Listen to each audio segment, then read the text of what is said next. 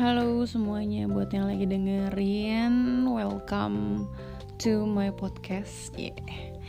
Jadi ini sebenarnya tuh basicnya podcastnya itu dibuat sama gue dan kedua kakak gue Tapi karena ini kayak udah terlanjur gue upload di akun gue dan sampai detik ini gue nggak tahu gimana caranya buat bisa uh, masing-masing dari kakak gue ini juga ngupload di akun yang sama. Gue nggak tahu gimana caranya.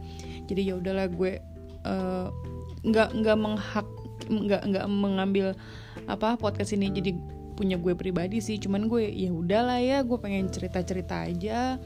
Dan gue pengen ngupload kalau lagi ada mereka ya udah kalau lagi ada gue dan teman-teman gue ya udah kalau lagi ada gue dan uh, someone siapa di samping gue mau bikin podcast. So ya udah gitu ya guys. Nah oke. Okay.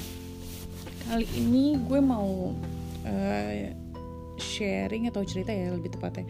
Mungkin lebih cerita kali ya ke cerita bahwa beberapa hari kemarin itu as you know guys gue bekerja sebagai wartawan infotainment. Jadi uh, waktu itu sempet ada temen gue yang wawancarain uh, artis Vicky Prasetyo. Nah, waktu lagi wawancara itu memang posisinya kayak mungkin tanpa uh, Bang Vicky-nya sadar dia uh, buka nurunin masker gitu. Uh, terus dia wawancara. Besokannya dia harus menjalani sidang kasus dia yang yang penggerebekan itu guys sama Angel Elga. Nah, hari itu itu gue yang liputan di uh, sidangnya. Tapi hari itu Vicky nggak datang karena si pengacaranya bilang kalau Vicky nggak bisa datang nih mbak karena dia kena covid. Eh, karena waktu itu posisinya calon istrinya eh, Kalina juga udah positif covid di rumah sakit dan Vicky katanya positif covid. Akhirnya eh, temen gue tuh kayak di tracking gitu kan dari kantor siapa nih yang wawancara Vicky terakhir tanpa pakai masker itu? Ya kan? Ditelusurin ujung-ujungnya uh, kameramen gue saat itu sempet ada komunikasi sama tim yang waktu itulah pokoknya intinya. Akhirnya uh, sempet kayak jadi geger dan segala macamnya uh, gue langsung ditarik pulang saat itu Uh, tapi ternyata Vicky mengklarifikasi kalau dirinya itu nggak positif COVID di rumah sakit lain. Udah stop sampai situ. Nah kemarin ini sekarang posisinya gue recording ini hari Selasa tanggal 16 kalau nggak salah ya tanggal 16 Februari 2021 uh, hari Jumat kemarin guys gue wawancara itu jatuhnya um, hunting sih.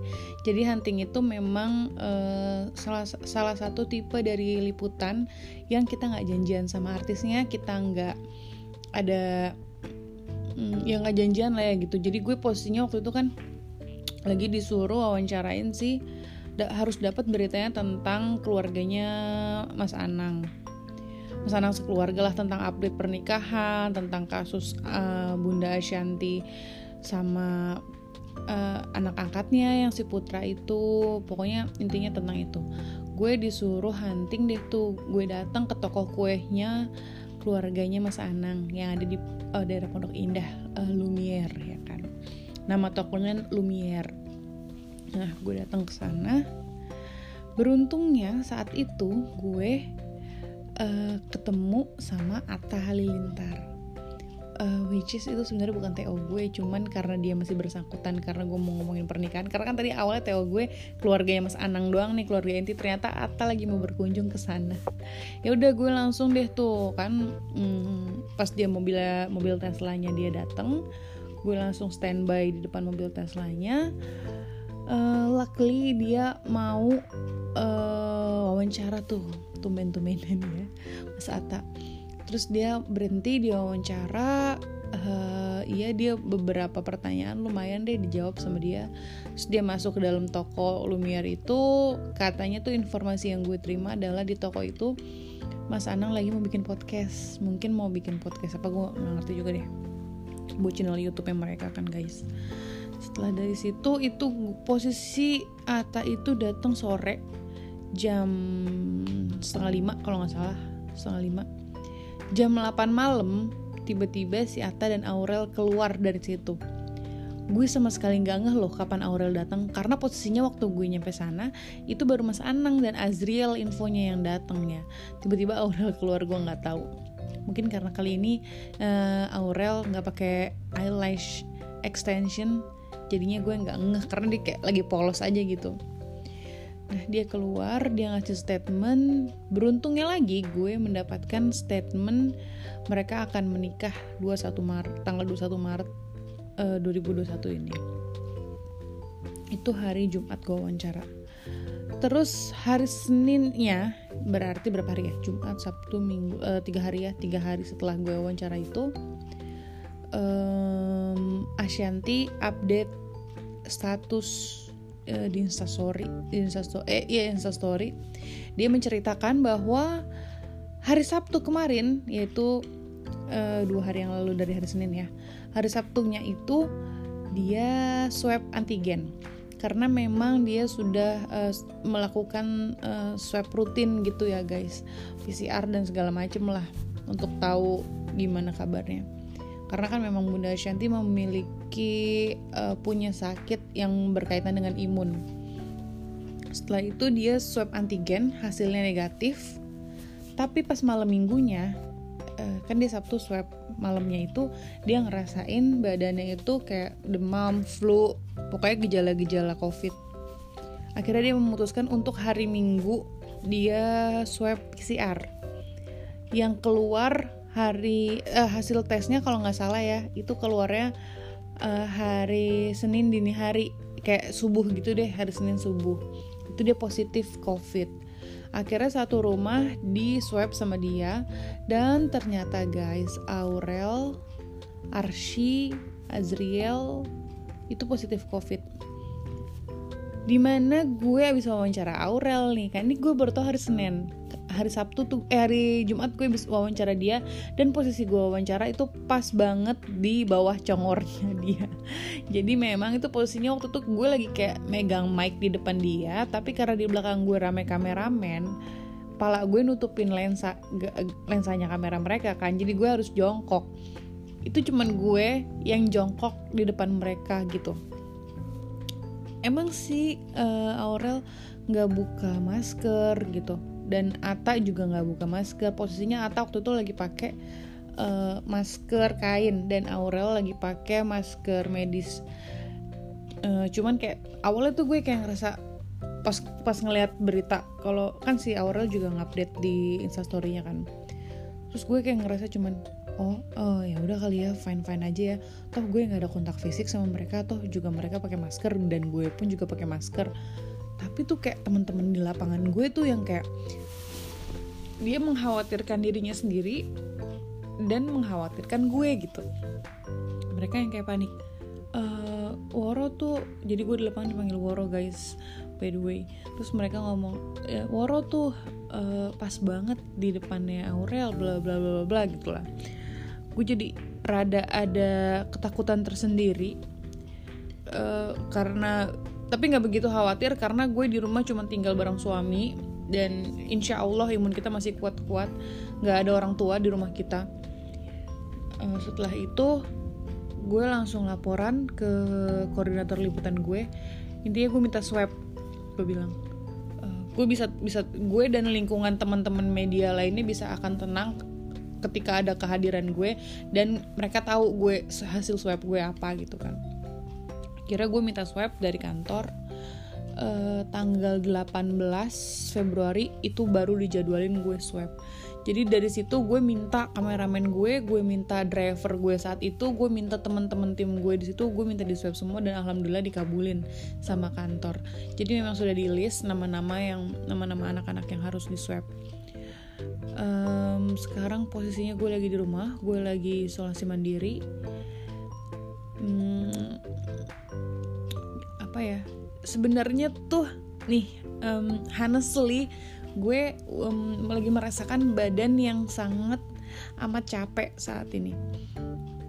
Lagi capek banget tapi posisinya uh, kayak memang harus uh, banyak yang harus gue kerjakan karena gue juga baru adaptasi jadi ibu rumah tangga jadi yang biasanya gue bangun tidur udah ada makanan baju-baju semuanya udah ready di lemari udah wangi udah rapi.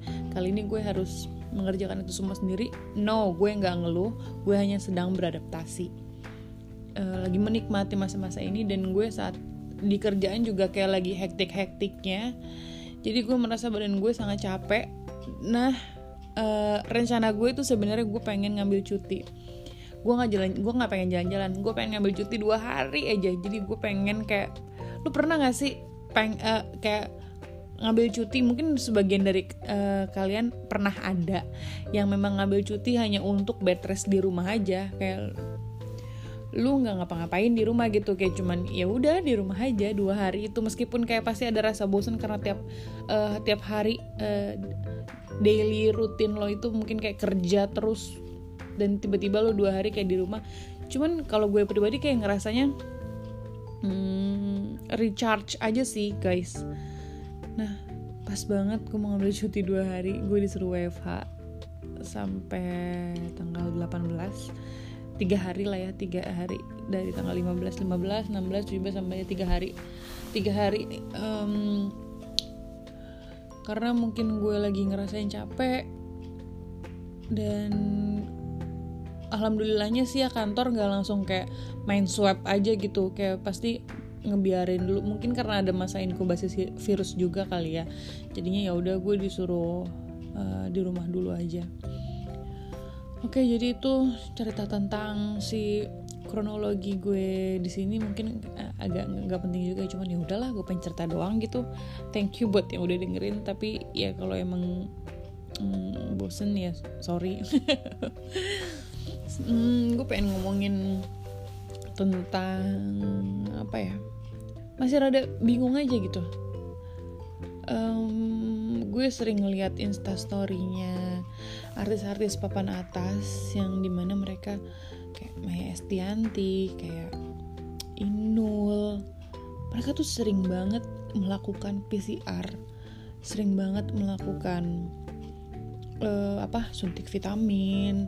Terus maksudnya fasilitas karena mereka punya uang banyak ya. Jadi maksudnya uh, dia bisa beli obat dengan harga yang mahal untuk imunnya mereka gitu yang agak gue anehin adalah orang-orang kayak gue yang kerja di lapangan yang pasti kalau wawancara tuh gak bisa yang namanya jaga jarak. Karena kan para kameramen ini memang mereka kameranya bisa ngezoom.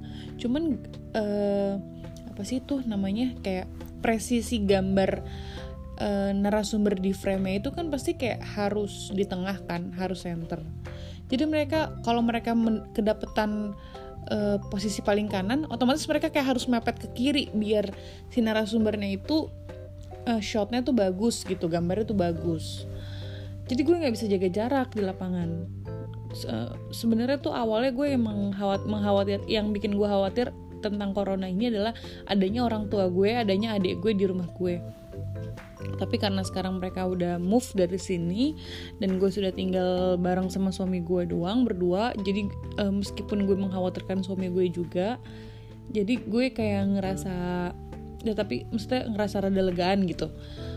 Rada ringan gitu kayak takut sih masih masih khawatir cuman nggak nggak terlalu takut yang sampai gimana banget. Gue masih bingung aja mereka mereka mereka yang punya uang banyak tuh kan ke mana-mana naik mobil pribadi syuting pun kayaknya heboh gitu ya. Pakai semprot sana semprot sini disinfektan dulu lah harus steril apa dulu lah. Dan sebagai macamnya make up artis bawa sendiri nggak mau dari TV mungkin ya. Tapi gue tahu ada ada beberapa yang kayak gitu. Mereka mau MUA sendiri. Karena alat make up itu mereka nggak mau campur-campur kan mereka harus punya itu sendiri. Nah masih bisa masih bisa mereka kena virus ini sedangkan rakyat-rakyat yang kayak gue alhamdulillahnya memang ada temen-temen gue yang kena dan gak sedikit. Cuman alhamdulillahnya kayak kita mungkin lebih menerima kali ya. Lebih yang kayak um, oh ya udah aduh sorry ada suara gangguan. Kayak lebih menerima. Jadi uh, takut takut cuman ya udah gitu. Eh, ngerti gak sih? Kayak nggak ada yang harus di ditakut gimana sih ya ngomongnya? Gue bingung juga nih. Kayak takut cuman ya udah ya udah aja gitu. Atau juga teman-teman gue alhamdulillah semuanya mungkin ada sekitar sepuluhan kali ya teman-teman gue tuh yang kena. Alhamdulillah sekarang mereka udah kerja lagi udah masuk kerja lagi udah fine fine aja. Dan honestly gue nggak bukan nggak peduli ya lebih ke nggak mau tahu sama aja ya nggak peduli dengan politik-politik yang dimainkan dengan corona ini. Yang kayak orang-orang bilang ah gue nggak percaya sama corona karena bla bla bla bla sumpah demi demi apa pun setiap ada orang yang ngomong kayak gitu ke gue dalam hati gue tuh kayak sumpah gue nggak peduli. Mau ini ada mau ini enggak yang penting gue harus sehat. Gitu nggak sih? Kayak pasti ada ada aja yang kayak bilang gue nggak percaya sama corona. Ini juga pemerintah harus uh, kalau pemerintah ngasihin vaksin pemerintah PCR semua yang mau keluar kota harus swab dan bla bla bla. Itu kan duit semua. Yes gue tahu itu duit semua. Cuman kayak gue udah pengen fokus ke kerjaan gue yang udah cukup uh, cukup uh, memutar otak. Gue sudah cukup dengan kehidupan keluarga kecil gue yang bahagia saat ini. Jadi gue kayak kayak males tau gak sih guys? Kayak otak gue tuh nggak tertarik sama hal yang berbau politik yang mungkin kata sebagian orang hmm, ya mungkin sebagian orang kayak ya ini kan juga akan kena ke lo karena lo aja nggak ngerasain gitu kan. Ya ya udah sih. Who knows kalau lo ada di posisi mereka lo akan melakukan hal yang sama gitu kan. Jadi ya udah biarkan mereka berbuat dosa dengan caranya. Kan kita kita semua berbuat dosa dengan cara kita masing-masing jadi biarkan mereka mau berbuat dosa dengan caranya, biarkan mereka uh, menanggung dosa itu sendiri karena perbuatannya sendiri. Jadi ya kalau memang lu nggak tertarik ke sana ya lu nggak usah melakukan perjalanan luar negeri. Gampang kan? Lu nggak usah melakukan perjalanan keluar kota untuk melakukan swab yang kata lo akan membuang uang untuk negara dan bla bla bla gue sejauh ini alhamdulillahnya setiap gue melakukan swab dan rapid itu itu pasti ditanggung kantor. Jadi gue alhamdulillahnya nggak pernah ngurin uang sendiri. Hmm gitu deh. Kehidupan menurut gue selama covid ini sendiri sih kayak sebenarnya kalau mau dilihat jeleknya mah banyak ya. Cuman kalau mau dilihat baiknya juga banyak juga. Banyak orang-orang yang lebih rukun rumah tangganya tapi juga banyak orang-orang yang uh, bercerai karena covid sendiri karena katanya nggak ada penghasilan lah istrinya bla bla bla. Hello come on. Lu menikahi orang hanya karena uang hanya karena kebahagiaan gitu? Kayak menurut gue pasangan yang benar itu yang benar dan setia itu ada di saat susah dan bahagia gak sih kayak pas lagi susah ya ya udah nikmatin berdua gitu. Nggak bukan lu harus meninggalkan pasangan lu ya gak sih? Itu sih menurut gue. Jadi alham, semoga ya semoga doain uh, gue tidak melakukan hal buruk itu. Gue takutnya kayak kemakan omongan sendiri. Gitu. Dan gue juga melihat banyak yang tadinya sibuk dengan pekerjaannya mereka bisa quality time bareng keluarganya. Gue juga merasakan kayak gue lebih banyak meskipun gue tetap kerja otak tetap muter. At least fisik gue bisa rebahan. Bisa kayak nggak harus naik motor untuk ke kantor. Karena gue berpikir juga kayak nggak nggak baik deh. Uh, kondisi saat ini gue dan suami gue menikah di sekarang kita udah bulan ketiga dan belum dikasih keturunan jadi gue kayak sempet berpikir kalau gue pengen cepet hmm, bisa jadi gak sih kayak badan gue harus lebih istirahat? Makanya tadi gue pengen cuti dua hari itu juga itu salah satu alasannya. Bisa dan gue eh, nggak uh, naik motor gitu. Jadi tiap hari tuh gue harus melewati hmm, perjalanan yang lumayan dari rumah gue ke kantor. Dan itu gue naik motor nyetir sendiri atau mungkin beberapa kali kalau lagi pas jadwalnya sama suami gue nebeng. Kayak capek gitu loh rasanya perut gue kayak hmm, apa sih getarannya itu loh guys. Ya udahlah gue bisa di rumah. Teman-teman gue pun kayak sekarang jadi banyak yang putar otak untuk kerja online dan bla bla bla. Ya menarik sih. Mungkin nanti kalau udah nggak ketemu lagi. Amin secepatnya sama corona ini sendiri. Semua bisa kembali normal. Tapi menurut gue nggak akan normal kayak dulu sih. Pasti kayak kita lebih normalnya kita itu lebih ke hidup berdampingan dengan virus ini. Jadi ya lo pakai masker tuh ya udah selamanya aja. Memang untuk ngilangin debu aja atau gimana ya. Dan orang-orang kayak akan lebih menerima gitu menurut gue. Cuman ya knows deh. Oke okay, that's all um, makasih buat yang udah mau dengerin gue cerita gue ngobrol tentang kerjaan gue tentang covid ini yang sebenarnya ya nggak terlalu interesting sih gue juga untuk ngomongnya karena ya di mana-mana udah ngomongin ini kan cuman ya udah. Tadi gue kayak lagi abis ngerjain pekerjaan rumah terus gue rebahan um, terus kayak kepikiran ngapain ya? Ah cerita aja deh bikin podcast. Jadi dia podcast ini oke okay, thank you buat semuanya bye bye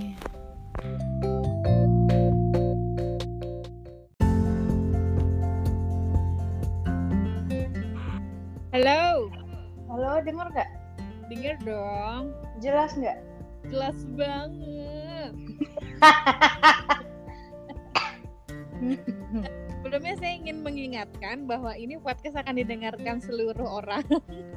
Wow! Hi everybody. Rasa ya ya.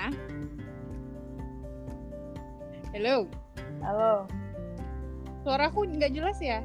Jelas jelas oh, banget oh iya by the way guys yang denger jadi kita lagi LDR nih ceritanya lagi-lagi emang gak pernah emang gak pernah gak LDR ya cukup mm -mm.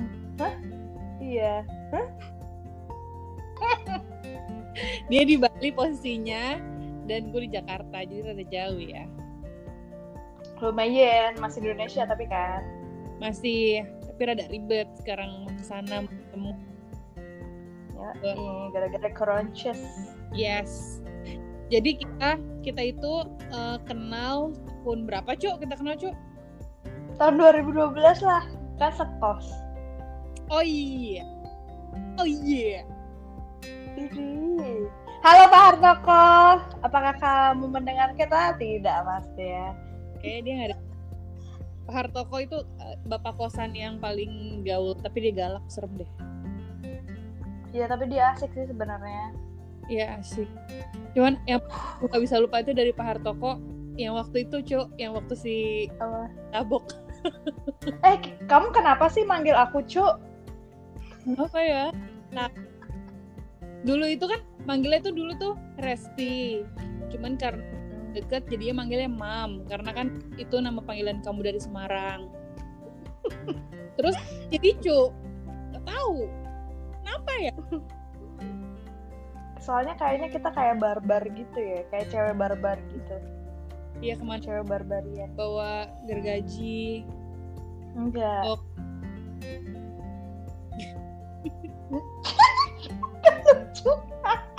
nggak jelas. Ini udah lama nggak ya cu nggak teleponan? Iya udah lama banget. Tapi video call ya. Iya. Teleponan jarang. Yang dulu oh nah jadi Pak Hartowo itu pertama kali gue dan Resti di Jogja itu kita satu kosan. Emang satu satu eh kita satu kelompok ospek nggak? Enggak ya? Beda ya? Enggak kan soalnya beda prodi. Kalau Woro itu mana produksi manajemen produksi kalau aku itu animasi. Animation. Jadi satu jadi beda. Nah, terus satu kosan yang punya itu namanya Pak Hartoko Pak Hartoko itu perawakannya garang kayak preman punya tato. Serem deh pokoknya mukanya. Tinggi gede gitu. Iya tinggi gede. Tapi dia tajir ya cuk kayaknya cuk. Sekarang makin tajir deh cuk. Depan kosan tuh isinya udah laundry warung cuci. Keren mau ngomong depan kosan udah laundry loncat maksudnya. Ya itu cuk ceritain dulu yang waktu si Adam. Adam kena pol sama Pak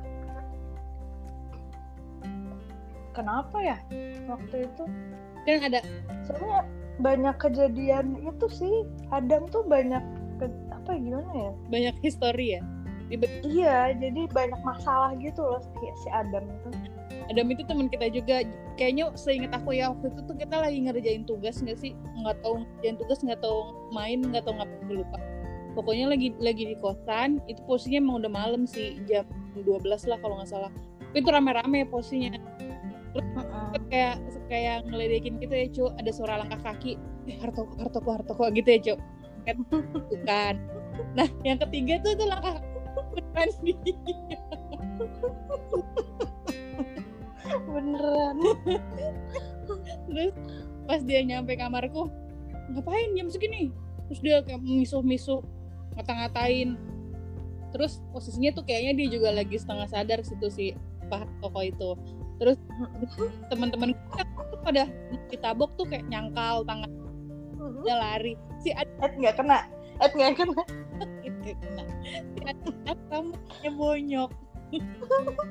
Dia kapok pemain kosan lagi. Itu masih belum terlalu deket lagi tuh posisinya kayak udah temenan. Masih awal-awal semester gitu.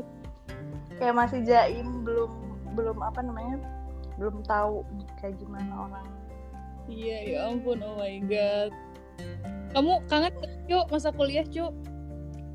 Kangen banget sih cuman eh, kangennya itu apa ya? Lebih nggak banyak pikiran sih. Kalau kuliah sama kerja kan beda ya. Terus kangen gimana ya? Karena orang-orangnya kayaknya sepemikiran gitu kayak nggak kayak beban tuh masih kayak dikit lah kayaknya ya. Paling beban tugas doang kan. Aja paling ngerjainnya udah mepet-mepet terus nongkrong bareng gitu kangen sih. Kalau masalah dosen gitu nggak kangen. Cuman posisinya kalau waktu kita belum ngerasain di titik sekarang terus kita maksudnya waktu kita masih jadi mahasiswa tuh kayak capek capek juga cuy ya kayak pengen "Ah, pengen cepetan kerja gue pengen cepet punya duit. Iya. Pengen iya itu kerasa banget waktu kita lagi ngerjain skripsi. Itu kerasa banget. Kayak pengen banget kerja udahlah nih ngapain sih ngerjain kayak ginian? Harus apa namanya ngeprint berkali-kali kalau salah ntar ngeprint lagi. Apa sih kayak bullshit gitu? Sih tahu taunya pas kerja buset dah. Lebih dari itu. Tahu-tahu ya pas kerja dari ya enaknya ya itu doang cuman punya penghasilan sendiri. Dan kayak lebih, lebih enak itu mesti hidup gak sama orang tua lagi. Tapi ya semuanya tuh hilang cok yang nongkrong yang tiap hari ketawa ngomong ngomong alur ngidul nggak jelas hehehe doang isinya hidup. Itu hilang cok iya terus terus kayak lebih serius gitu gak sih? Iya iya iya iya. Lebih serius dan kayak makin ke sini tuh makin nggak punya teman kamu ngerasain gak sih cok Iya, apalagi kan aku kan kayak eh, ke Bali nggak sama siapa, maksudnya bukan karena siapa-siapa gitu loh, bukan karena ada teman di sini. Ya tapi emang waktu itu di kerjaan pertama di kantor pertama itu emang ada anak kampus kebetulan juga, cuman nggak nggak gitu deket ya sama aja sih kayak ya karena nggak ada siapa-siapa yang deket ke, waktu ke Bali jadi nggak punya temen banyak. Paling ya udah temen hahihi doang terus ya udah bukan temen yang kayak kayak kuliah. Gimana sih kalau kuliah tuh lebih yang temen yang bisa curhat bisa sharing terus kayak udah deh nggak nggak nggak tahu malu juga gitu. Kalau sekarang tuh kayak lebih ah mikir ntar kalau misalnya gue ngomong kayak gini ntar gimana ya nih orang ntar gue gimana gitu. Kayak lebih- nggak nggak bebas deh nggak sebebas waktu kuliah gitu. Feel-nya tuh beda gitu. Iya beda. Aku mau ceritain jadi waktu dulu itu pertama kali aku ngeliat Resti ini itu posisinya kita lagi ospek dan aku belum kenal dia sama sekali kan. Jadi emang cuma satu kosan kayak cuma ngeliat gitu doang. Ngeliat habis itu kosannya juga nggak begitu gede sih. Belas terus kamar kalau nggak salah. Nah itu lagi ospek posisinya tuh itu lagi ada yang eh, lagi ada hiburannya nih momen hiburannya. Adalah tuh kakak tingkat kita yang perform ya kan? Lagi perform tiba-tiba ada satu cewek lari dari belakang ke depan panggung. Dia mau itu aku. Dan aku what? Itu siapa? Goblok. Si goblok goblok apa gue catat? Terus si cowok-cowok cowok gitu kan. Nah, dia itu cewek sendiri awalnya. Terus kemudian ada ada lagi temennya si Arel ya cuy ya. Arel ikutan iya heeh. ke depan terus ada dua tuh. Nah dari situ tuh aku kayak tapi posisinya belum notice kalau itu tuh teman kosanku gitu. Cuman ngeliat doang itu siapa? gitu. Terus wow ya gila-gila. Keren juga nih cewek berani juga gitu. Berani di, berani di soalnya cowoknya tuh bener-bener banyak banget dan dia tuh mosing yang kayak mosing banget gitu. Masih ke bawah ya jiwa-jiwa SMA SMP gitu soalnya. Jadi ya begitu lah jadi tuh ya nih ya cuk. Cuk. Iya iya. Jadi tuh aku tuh waktu itu tuh kan aku eh, animasi nih. Animasi tuh nggak banyak ceweknya. Terus satu kelompok itu tuh ya emang random sih kayaknya. Random gak sih kayak dari angkatan mana angkatan eh angkatan jurusan mana jurusan mana gitu Nah, Iya kan? Terus aku juga kebetulan tuh dapatnya yang itu apa ka- kayak yaudah cowok-cowok banyakan cowoknya deh daripada ceweknya. Ada cewek tapi iem tuh nggak? Yang kayak cowok gitu. Ya Oh. udah. Halo? Iya iya terus? Terus ya aku kayak telepon? Halo terus terus ya udah akhirnya dia yang yang ikut kan aku ajakin nih satu kelompok. Yuk musim yuk gini udah terus habis itu yang ikut ya udah cowok-cowok ya udah ke depannya ya udah sama cowok-cowok gitu. Terus Jadi- sadar juga kalau ngajakin kalau ada cewek juga nggak sadar. Jadi jadi sebelum kejadian itu kamu ada ada tragedi ngajakin dulu ya ada momen ngajakin dulu ya tapi nggak ada yang mau. Iya heeh. ayo ayo gitu tapi nggak ada yang mau bangsat eh terus? Ya udah tapi juga kan kayaknya iya itu waktu itu tuh aku sekelompok sama kan kayaknya ceweknya tiga ya. Nah yang satu kayak cowok itu tomboy gitu yang satu tuh kayak kalem banget gitu. Kan gak enak ya anak ngerusak anak orang atau gimana nanti dikiranya ya udah akhirnya maju sendiri maju berdua apa ya? Oh, nggak nggak tahu deh lupa Iya deh terus habis itu pada kaget juga ini, anak nih maju dulu maju cewek sendirian gitu. Jadi- gitu soalnya emang suka kayak begitu. Pas awal-awal itu kita hmm, aku aku duluan ya cuy ya ke kamar kamu gitu ya cuy ya? Jadi tuh kamu nih ya si Woro itu masa ya kan aku lagi nempelin itu loh dulu kan zamannya wallpaper tau gak sih? Tahu. yang di yang di tembok itu Iya. yang ada gambar-gambarnya itu aku lagi rapin rapin gitu. Terus jadi tuh kayak ngebelakangin war, ngebelakangin pintu gitu terus kayak aku tuh kayak ada yang ada yang ngeliatin gitu siapa ya nih ya? Kayak, kayak ada yang ngeliatin gitu. Diem aja itu orang diem. Terus aku nengok ke belakang buset dah udah rambutnya panjang kan? Terus dia ngeliatin megang tembok gitu tuh buset Eh, halo gitu. Terus apa ya? Terus habis itu ya pokoknya dari situ deh tahu kalau misalnya Woro kamarnya eh ngekos di situ juga anak-anak di gitu. Gila gue bisa sering udah deh. Apa? Bisa serandom itu ya gue. Iya. Biarin aja gitu. Kayak nggak tahu ya. Suara pencok nggak tahu ya kayak posisinya terus mungkin karena kayak pertama kali jauh dari keluarga terus sendirian. Jadi tuh mungkin gue lagi gabut aja gitu terus kesepian gitu kali ya. Jadi ya udah gue punya teman-teman di kosan kenapa tidak gue ajak berteman aja gitu. Saya kira kayak ada ada pemikiran. Tapi kayak kalau di umuran sekarang gue nggak akan deh kayak gitu cok kayak ya gue amat aja gitu kayak. Iya. Kayak di- kayak udah abis aja gitu masanya kayak mau temenan mau so asik mau apa itu kayak "Ah, udahlah udah capek gue udah capek kerjaan dimarahin sama orang. Mending gue balik tidur gitu kali sekarang ya. Ya, nggak tahu terus terus setelah dari itu kayak makan bareng gitu ya cuy ya? Jadi kayak namanya anak kan kayak lebih satu sama lain tuh kayaknya lebih dari keluarga gitu karena kita nggak ada keluarga di situ. Jadinya ya udah udah. Dan kain dan rata-rata pertama kali juga eh, jauh dari orang tua. Ya kan? udah terus setiap hari kerjaan kita tapi sempat ada momen di mana kita eh, jauh ya cuk. Nggak nggak main bareng terus gitu iya soalnya kan punya geng sendiri. Iya tapi ujung-ujungnya balik-balik lagi cuk. Kayak ya udah kalau nggak ada orang ya udah sama Resti gitu. Iya. Ya udahlah. Ian sampai skrip apa? sampai skripsian. Empat tahun tuh cuk. Ya cu sampai skripsian. Coba aja kalau kalau kamu nggak skripsian cu aku nggak skripsian. Main aja ke kontrakan tiap malam jadi obat nyamuk nggak masalah pokoknya main ke rumah Woro.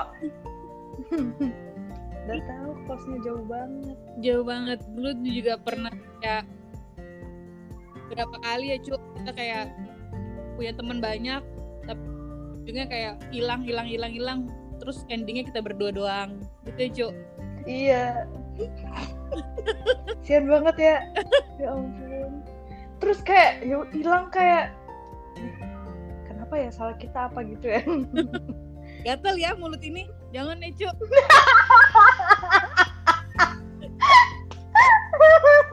gitulah pokoknya. Ya, temen kan ya apa sih seleksi alam juga ya. Jadi ya udah. Asik. Mati itu. Ujung-ujungnya cuma berdua teman dari kuliah sampai detik sekarang. Kontak yang lumayan intens sih untuk ukuran kita ya cu biasanya kan kalau yang kelar kuliah lulus ya udah lulus lu fokus kantor lu ya udah. Kalau kita kadang masih kayak cu gimana? Apa kabar? gitu ya. Tapi tapi menurut menurut kamu lebih penting quantity atau quality? Hmm. Quality sih ya nggak sih? Iya kan iya sih. Ya udah daripada temen banyak banyak tapi obrolannya nggak cuma obrolan sih kayak feelnya juga gimana mending punya temen dikit. Tapi berkualitas gitu loh. Bener-bener jadi sekarang kamu teman-temanmu modelnya gimana cu? Yang mana? Ya lingkunganmu di Bali seperti apa sekarang teman-temanmu party bro.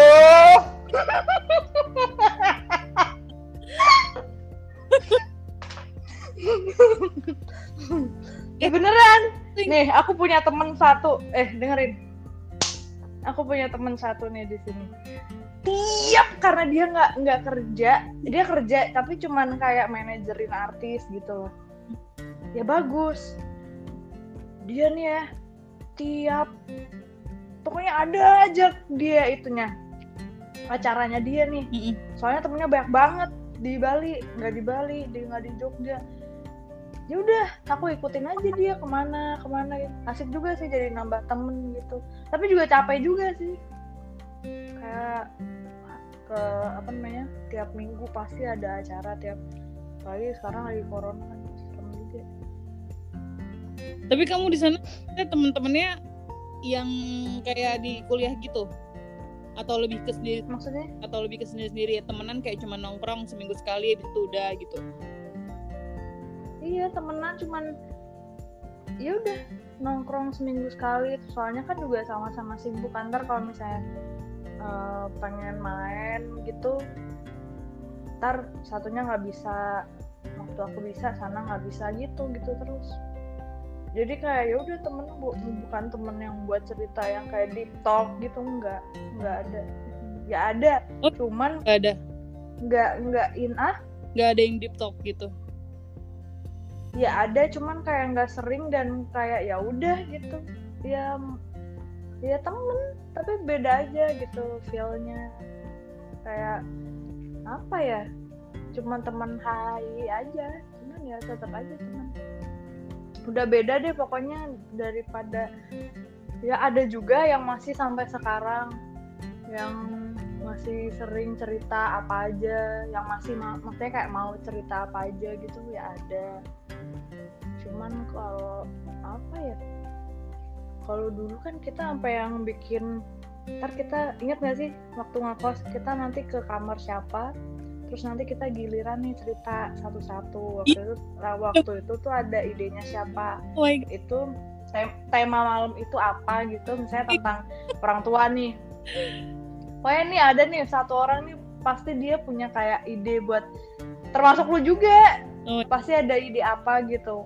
Eh, ngom apa curhat apa tentang apa gitu. Terus gantian gitu muter gitu iya jadi kita emang sering nginep-nginep gitu ya cu satu kamar isinya Mm-mm. orang lima orang. Itu awal-awal kuliah tapi ya tetap aja ke sini sininya ya berkurang. Dengan sendirinya ujung-ujung kita berdua lagi.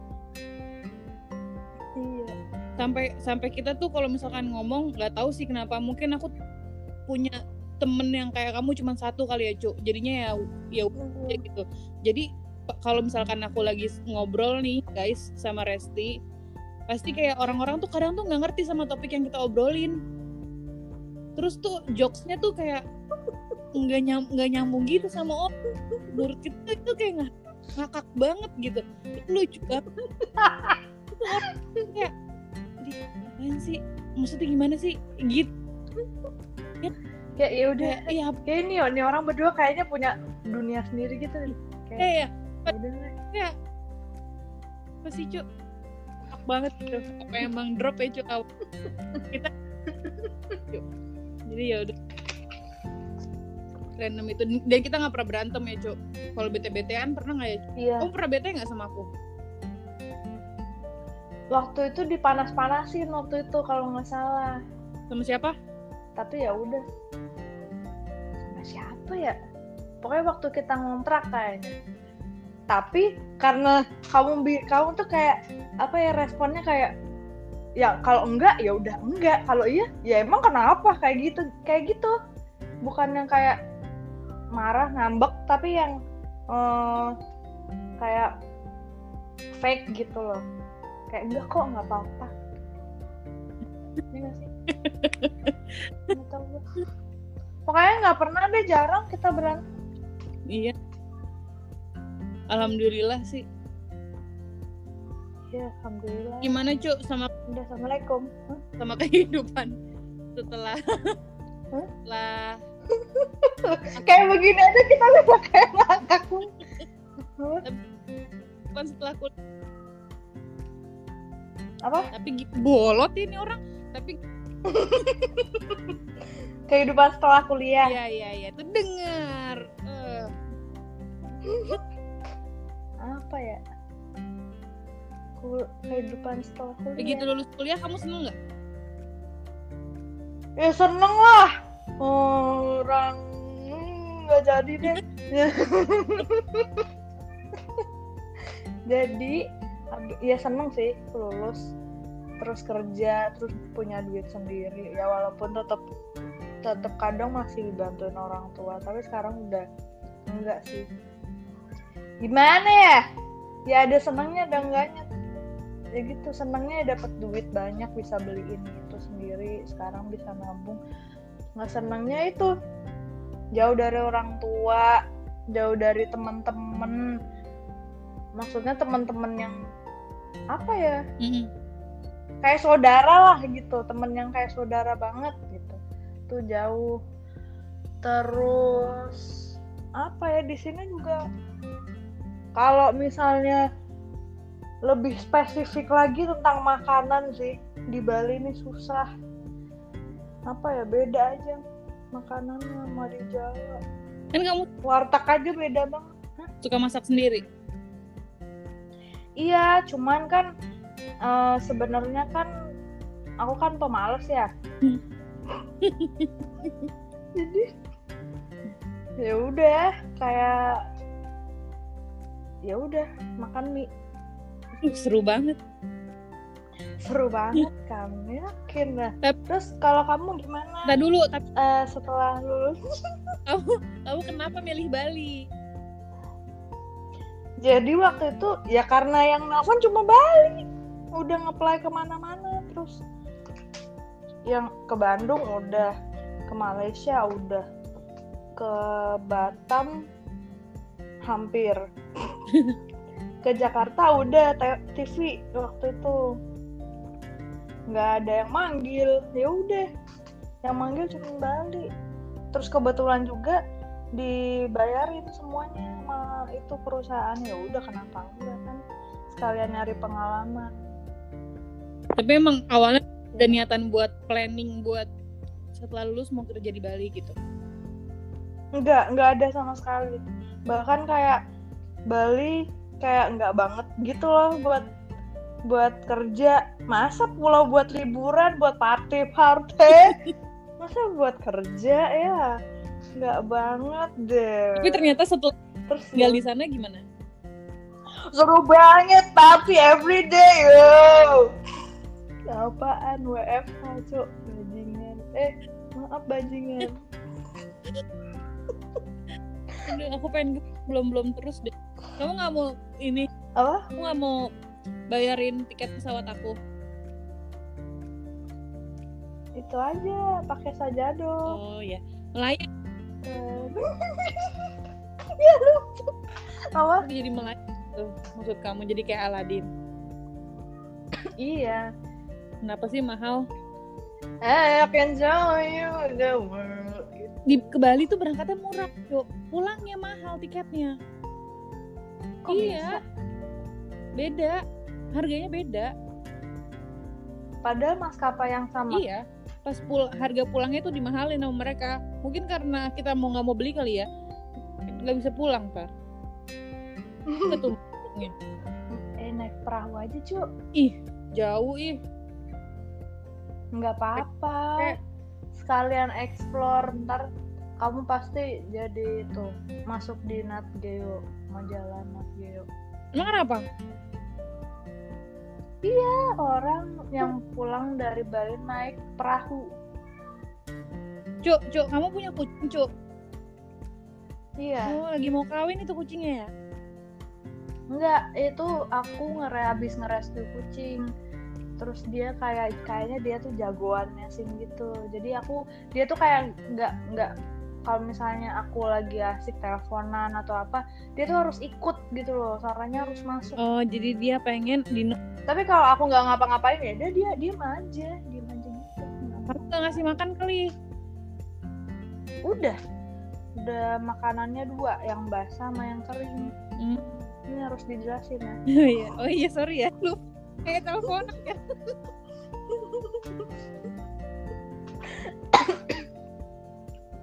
Mantap. Iya. Terus gimana, Waro? Setelah setelah setelah apa ya kuliah? Gimana perasaannya? Meninggalkan Jogja kan waktu itu nggak mau ninggalin Jogja kan? Kayak Katanya. udah penting tuh aku lulus kuliah itu aku harus keterima kerja di Jogja. Tapi karena aku sharing kan sama senior-senior, terus mereka terus eh, rata-rata bilangnya kamu tuh kerja dulu di Jakarta. Nanti kalau kamu udah dapat pengalaman eh, ke Jogja terus kamu bisa upgrade gaji karena kan UMR Jogja kan kecil kan, Cuk. Hmm. terus aku di ngomongin kayak gitu terus aku kayak mikir juga bener juga ya oke deh eh, gue kerja dulu deh di Jakarta ntar saya udah ada pengalaman pindah ke Jogja ternyata di sini di Jogja siapa Apa? ternyata malah stuck di sini karena di Jogja kerja apa juga kayak udah apply apply juga gak ada yang cocok aja gitu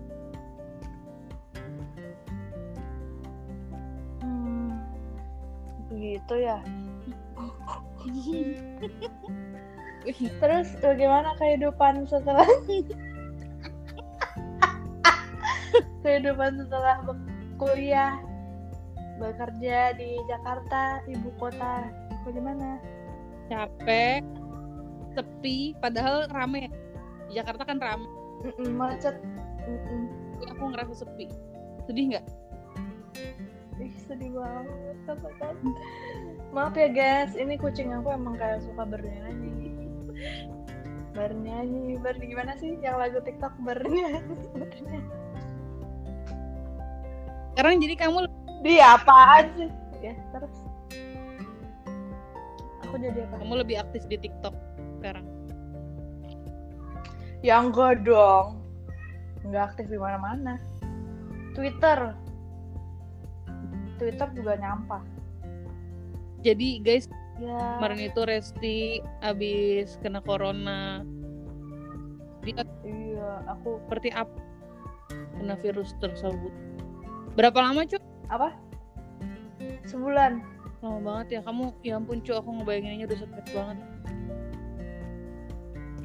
itu aku isolasi mandiri di kosan di kosan orang tuaku di Semarang itu di bangunan dua lantai itu sendirian. Dari yang sampai dari yang takut banget tar takutnya nanti ada yang ada yang eh, ngintip lah apalah sampai bodo amat namanya kayak gitu. Gue lagi sakit kalau misalnya lu ngintip-ngintip gue ludahin lu kena corona. Itu kamu bener sendiri di bangunan itu? Iya jadi aku nanti kan kalau pagi itu ada mbaknya yang bersihin tiap pagi tapi hari minggu kecuali hari minggu. Tapi kalau mal kalau sore gitu aku udah nyalain lampu gitu semuanya dinyalain. Terus nyuci baju kebetulan ada itu ada mesin cuci ya udah nyuci sendiri nyuci baju baju sendiri. Nggak disetrika dikibas-kibas aja. Kalau nggak gue tindihin kadang di itu bantal. Oh biar rapih ya biar bajunya nggak kusut iya. Back to the basic ya udah. Pokoknya nggak enak deh karena corona. Sebenarnya jangan sampai gak enak Kena. itu tuh ya isolasi mandirinya yang sampai bikin puyeng itu. Iya tapi kunci kuncinya kalau misalnya udah kena kayak gitu ya mau gimana lagi ya kan ya udah happy happy aja. Nggak usah dibawa pusing karena imun yang bagus akan menyembuhkan si para virus itu. Gitu. ya pemirsa. Oke, Cu, ini karena kita udah 30 menit, jadi kamu uh, harus closing. Tapi kok cuma 30 menit sih? Yang lain sejam. Enggak enggak. Kelamaan. Cu, kamu harus closing Oh. menyampaikan eh, kiat-kiat kepada para pendengar untuk menjalani kehidupan yang bahagia seperti apa? Ah, udah bahagia aja gua. Nah, jadi begini ya para pemirsa yang budiman. Kehidupan itu adalah sebuah apaan sih? Ya pokoknya kalau misalnya hidup dipikirin berat, ya bakal berat jadinya jatuhnya. Kalau hidup dipikirin fun walaupun nggak ada duit, ya udah fun aja gitu. Ya? Iya, bener. enjoy aja. Jangan suka membuat kegaduhan. Jangan suka gampang menilai orang. Hmm. Pokoknya penyakit hati itu harus dikurangi. Ini kayak ya. kamu waktu Jangan waktu lagi isolasi mandiri sering denger ceramah ya, Cu? Iya. Jangan lupa makan makanan yang sehat, olahraga. Karena memang body shaming itu jelek. Tapi kita harus harus menjaga tubuh kita sendiri. Kita harus mencintai diri kita sendiri sebelum kita mencintai orang lain. Itu beneran. Jadi kita harus cinta sama diri kita diri, diri dulu sendiri. Eh gimana sih? Jadi kita harus cinta sama diri kita dulu. Ya udah. ya itu hal pertama yang harus kalian waktu kalian membuka mata ingat self love baru ke orang lain kalau sama diri sendiri aja kalian benci kalian hmm, tidak suka bagaimana mencintai orang lain Tapi susah loh, dan love itu jangan sendiri susah loh, Cu, menurut aku. ya susah karena kamu pikir itu susah Hmm, oke. Terus? apa sih yang susah dari mencintai diri sendiri itu apa dengan cara kita tidak tidak menjudge diri kita sendiri itu kita udah mencintai diri kita sendiri. Kayak ih gua gendut banget nih. Ngapain ngomong kayak gitu? Ya udah kalau misalnya lu merasa gendut ya udah deh kayaknya gue harus eh, makan sehat deh. Nggak perlu kurus. Makan sehat biar merasa tubuh lebih ringan lebih fresh. Mungkin self love gak cuma makanan ya harus pe- pemikiran juga Iya. pikiran itu terlalu sibuk untuk memikirkan kebahagiaan orang lain. Iya, jangan terlalu dengerin nih ya. Orang sekarang tuh suka banget dengerin orang lain, kata-kata orang lain kayak terlalu dipikirin secara tidak sadar. Kayak, ih, kenapa sih? Kenapa sih gue kayak gini? Soal sampai dia ngomong kayak gitu, sampai dia mikir kayak gitu. Kita tuh unik, tau? Diri kita masing-masing itu unik. Jangan lupa juga buat ngingetin satu sama lain. Nggak ada salahnya. Bukan bukan merasa pintar atau menggurui. Ya kalau misalnya orang itu ngomong kita seperti itu ih kamu ih kok kamu menggurui banget sih? Kamu kok so tau banget sih? So negatif. Ya udah. Kita lakuin apa aja yang positif positif deh yang penting jangan positif corona. Hmm. udah. Tapi nggak pengen mikirin tapi tuh kepikiran gak sih? Kayak omongan orang tuh kayak aduh apaan sih? Nggak pengen dipikirin. Pasti. Pikiran aja gitu. Pasti. Pasti. Pasti. Nah kita jangan langsung kayak menelan mentah eh iya nih. Kok gue harus gini? Kadang juga omongan orang juga bisa membangun gitu loh kayak kenapa sih lu kok eh, males banget jadi orang kayak gitu. Nanti sih lu kalau eh, sama orang lain kayak gitu tanpa memberi solusi kan? Ya udah berarti kita sendiri yang harus cari solusi itu. Jadi kayak iya nih kok aku males banget ya? Gimana ya? Ya udah deh emang gua kayak gini. Nggak gitu. Nggak gitu tahu deh pokoknya gitu deh. Kayaknya juga nggak bermanfaat. Nggak ada poinnya gitu loh. Ada kok ada kok. Oh ada ya? Oke pemirsa jadi itu podcast dari gue dan Re- pendengar dong pemirsa. TV listener mantap. Eh salam salam boleh boleh boleh. Salam buat siapa? Orang tua salam salam untuk orang tua aku dan adik aku. Dadah mas aku. Halo kakak ipar Eh, semoga kalian tidak mendengarkan. Terima kasih. Oke guys. Kasih buat yang udah dengerin. Makasih Resti. Sampai kita bertemu. Makasih Wara. Akhirnya kita membuat podcast setelah aku tidak eh, setelah aku Ya. ketiduran kemarin Oke, okay, bye bye.